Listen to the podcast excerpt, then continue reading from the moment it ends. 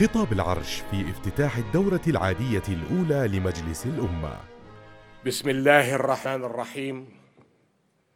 والصلاة والسلام على سيدنا محمد النبي العربي الهاشمي الأمين. حضرات الأعيان حضرات النواب السلام عليكم ورحمة الله وبركاته. أمس كانت ذكرى ميلاد الحسين الباني رحمة الله عليه. وأدعوكم للوقوف لقراءة الفاتحة على روحه الطاهرة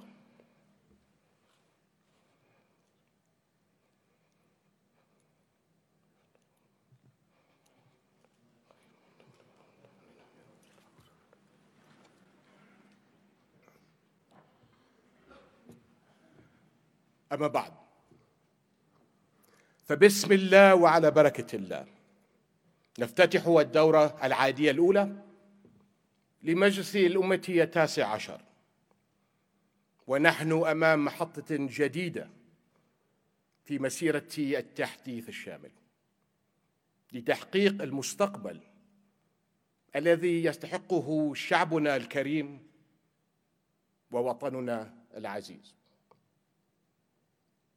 وبعون الله وتوفيقه.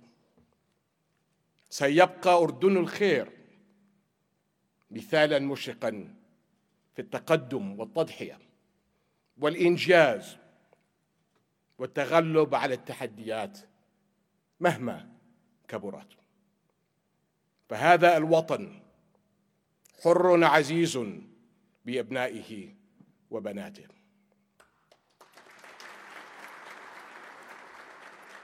حضرات الأعيان حضرات النواب. لقد أثبتت التجرب من حولنا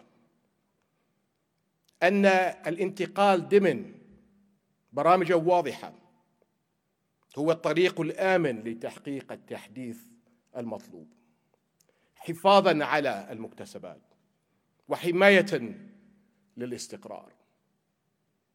ونحن عازمون على السير في هذا الاتجاه. بمسؤولية ودون تردد تردد أو تأخير لتعزيز مصادر قوة الدولة مجتمعا ومؤسسات. وخلال الأشهر الماضية شهدنا جهودا كبيرة لتحديث المنظومة السياسية وهي جهود مقدرة ومشكورة للجنة التي كلفناها بهذه المهمة. ضمن إطار أشمل لتحديث اقتصادي وإداري تعمل الحكومة على إنجازه.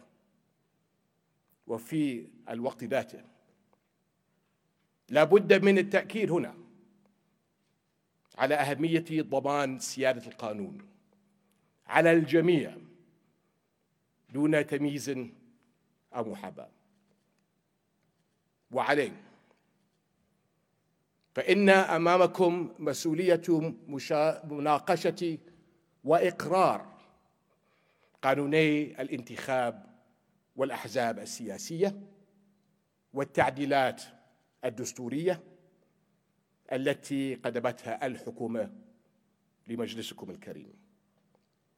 بهدف الوصول إلى بيئة حاضنة للحياة الحزبية لتشكيل برلمانات المستقبل بحيث يكون للشباب والمرأة دور بارز فيها.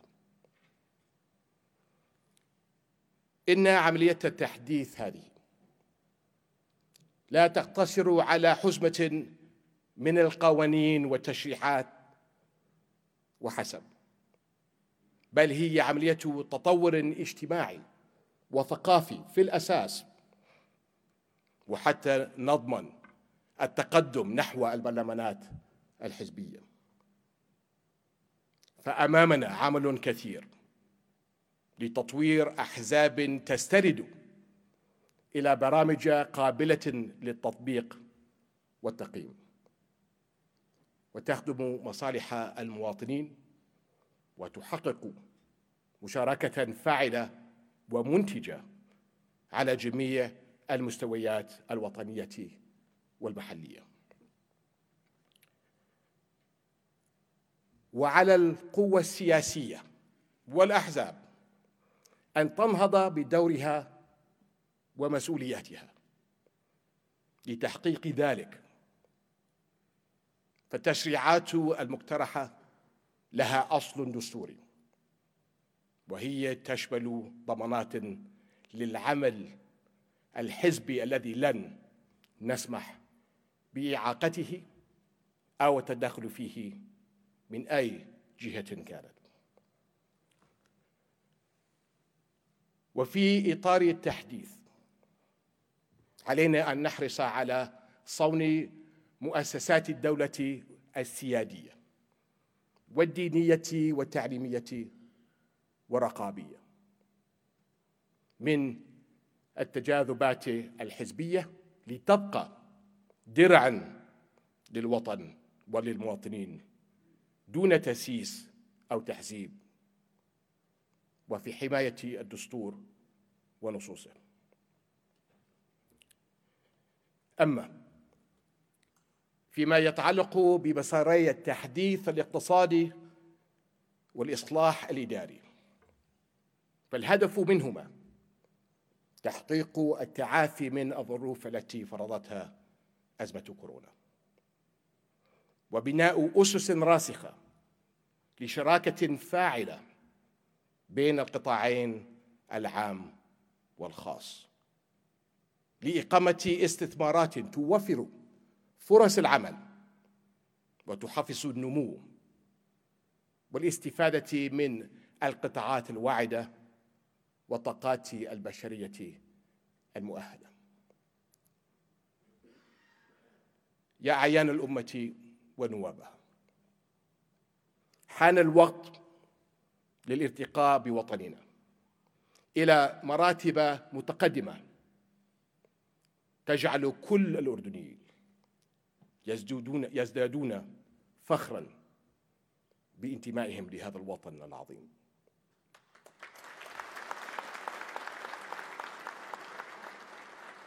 فهذه هي الدولة الحرة التي أكملت مئة عام من عمرها المديد ويحميها دستور عصري متقدم.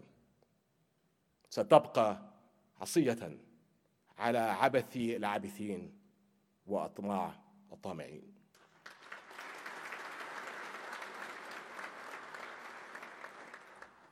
ولقد كان بلدنا على الدوام قصة بناء وكفاح سطرها الأردنيون بتضحياتهم والانتقاص من هذه الإنجازات أو التقليل من شأنها إساءة بالغة لا يقبله أحد.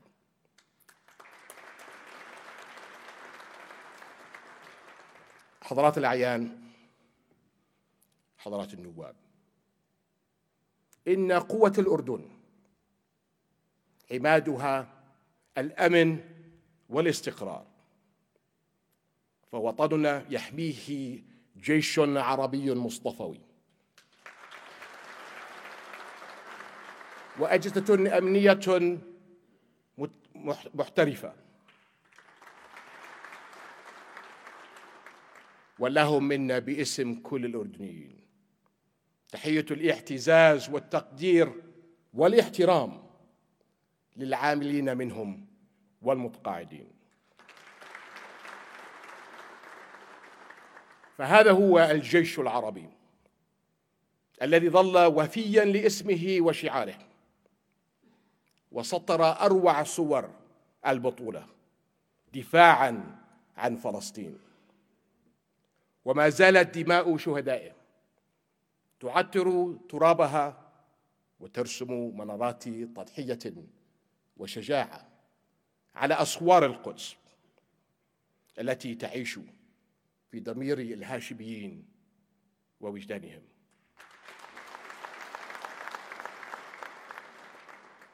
منذ مئات السنين. وقد قدم الأردن للقضية الفلسطينية ما لم يقدمه أحد غيره.